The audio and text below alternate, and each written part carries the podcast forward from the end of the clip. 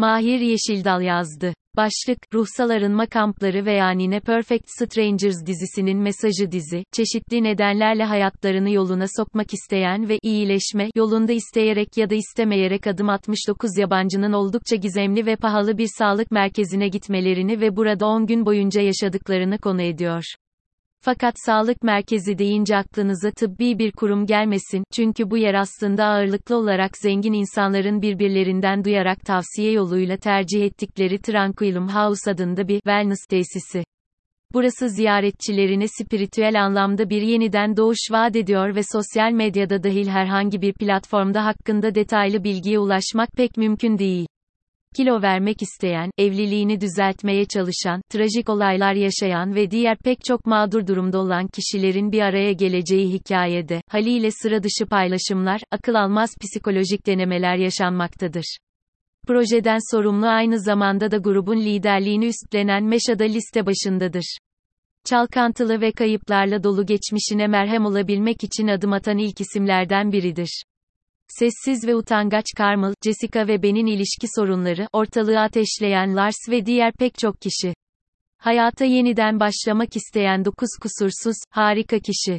Eğitimler, sohbetler, travma dolu dakikalar. Nine Perfect Strangers'ın en iddialı olduğu kısım kesinlikle oyunculukları. Kadrosunun oldukça güçlü olmasının yanında oyuncuların elinde besleyebilecekleri karakterler var ve bunu da zorlanmadan kullanabilmişler. Çoğu kişinin beklentisinin aksine, en azından ilk üç bölüm için, dizinin yıldızları bana göre kesinlikle Michael Shannon, Bobby Cannavale ve Melissa McCarthy oldu. Nicole Kidman ise Meşa karakteriyle her zamanki gibi seyir zevkini yükselten bir etmen olsa da dizinin oyunculuk anlamında en güçlü koz olmadığı aşikar. Dizinin müzik seçimleri de oldukça başarılı. Kullanılan şarkılara paralel olarak klasik müzik temalı hazırlanmış orijinal soundtracklerde wellness merkezi odaklı bir dizi için çok yerinde ve etkileyici tercihler olmuş.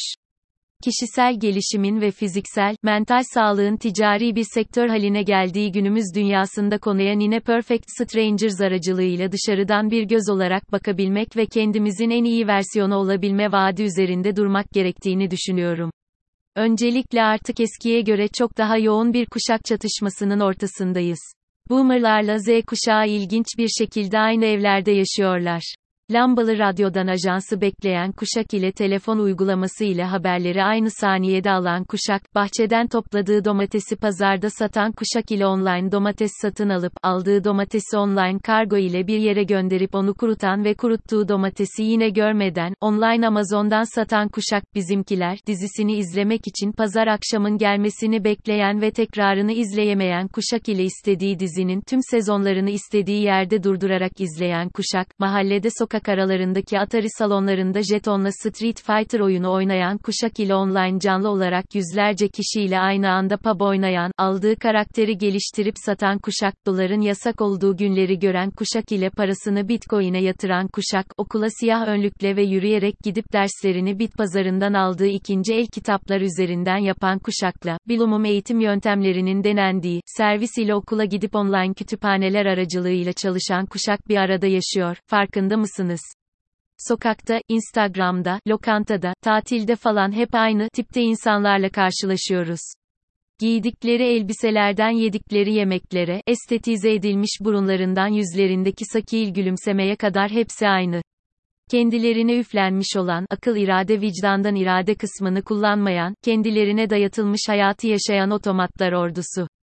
Hayatın anlamı ile görünürde bir derdi olmayan, anlamı karizmada, parada, takipçi sayısı ve uyuşturucularda arayan oldukça geniş bir kitleden söz ediyoruz.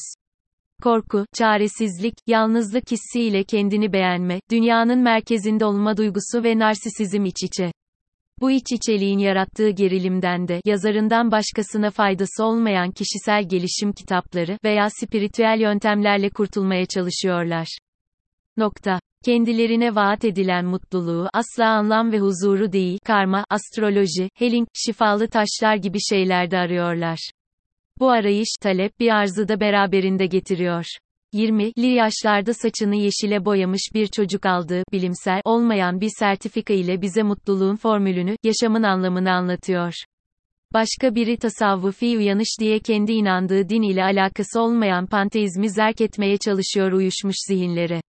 Kişisel gelişim çılgınlığı ile her şeyi yapabileceğine, istese başarabileceğine ve kafaya takmayabileceğine inandırılan yığınlar kendi çaresizliklerinin dahi farkına varmadan yaşamaya devam ediyorlar, hayatlarını tüketmeleri için bir de üstüne para saçarak bilimi, bilimsel yaklaşımı safsatalarıyla alaşağı etmeye çalışan, sözde, profesörler ile yumurta ve kelle paça yiyerek daha uzun yaşayacağına inanan ama umdukları uzun yaşamlarının ne kadarının anlamlı olacağını umursamayan insanlar, zombiler topluluğu haline geldik müebbet mahkumiyet kararlarına kendileri gönüllü imza attığını zanneden ama dayatılan hayatı yaşayan kitleler var. Daha mutlu olabilmek için başladıkları yolculukta kendi benliklerinden ve kutsallarından kolayca vazgeçebiliyorlar. Bir makine ile bir insanın bütünleşeceğini, singularity, beklediğimiz çağımızda temel çelişkilerimizin değişmediğini görmek düşündürmeli hepimizi. Yeni dini hareketler ve bu hareketlerin bir uzantısı olan yeni çağ inanışları, New Age maneviyatı, 1960'lı yıllarda, seküler ve maddi hayatın reddini içermekte olan karşı kültür hareketleri olarak ortaya çıkmış ve yaygınlık kazanmıştır. Bu inanç toplulukları için mensupların, müritlerin, inananların, müşterilerin gruba katılması kadar devamlılığı ve bağlılığı da önemlidir kutsala hemen ulaşma, ruhsal aydınlanma ve mistik güçlerle bütünleşme gibi vaatler sunmakta olan yeni dini hareketler, dini pazar ekonomisi içinde kendi varlığını devam ettirebilmek amacıyla sürekli olarak kendini yenileme ve vaatleri güçlendirme yoluna gitmek diğer bir deyişle sunmuş oldukları ürün ve hizmetleri her geçen gün çeşitlendirmek zorundadır. Büyük üniversiteler, akupunktur, reiki, terapötik dokunuş, qigong ve vedik tıp dersleri veren ve ulusal sağlık enstitüleri NIH tarafından cömertçe finanse edilen bütünleştirici sağlık merkezleri ne ev sahipliği yapmaktadır. Saygın bir bilimsel yayıncı olan Elsevier, sahte bilime ayrılmış dergiler yayınlamaktadır.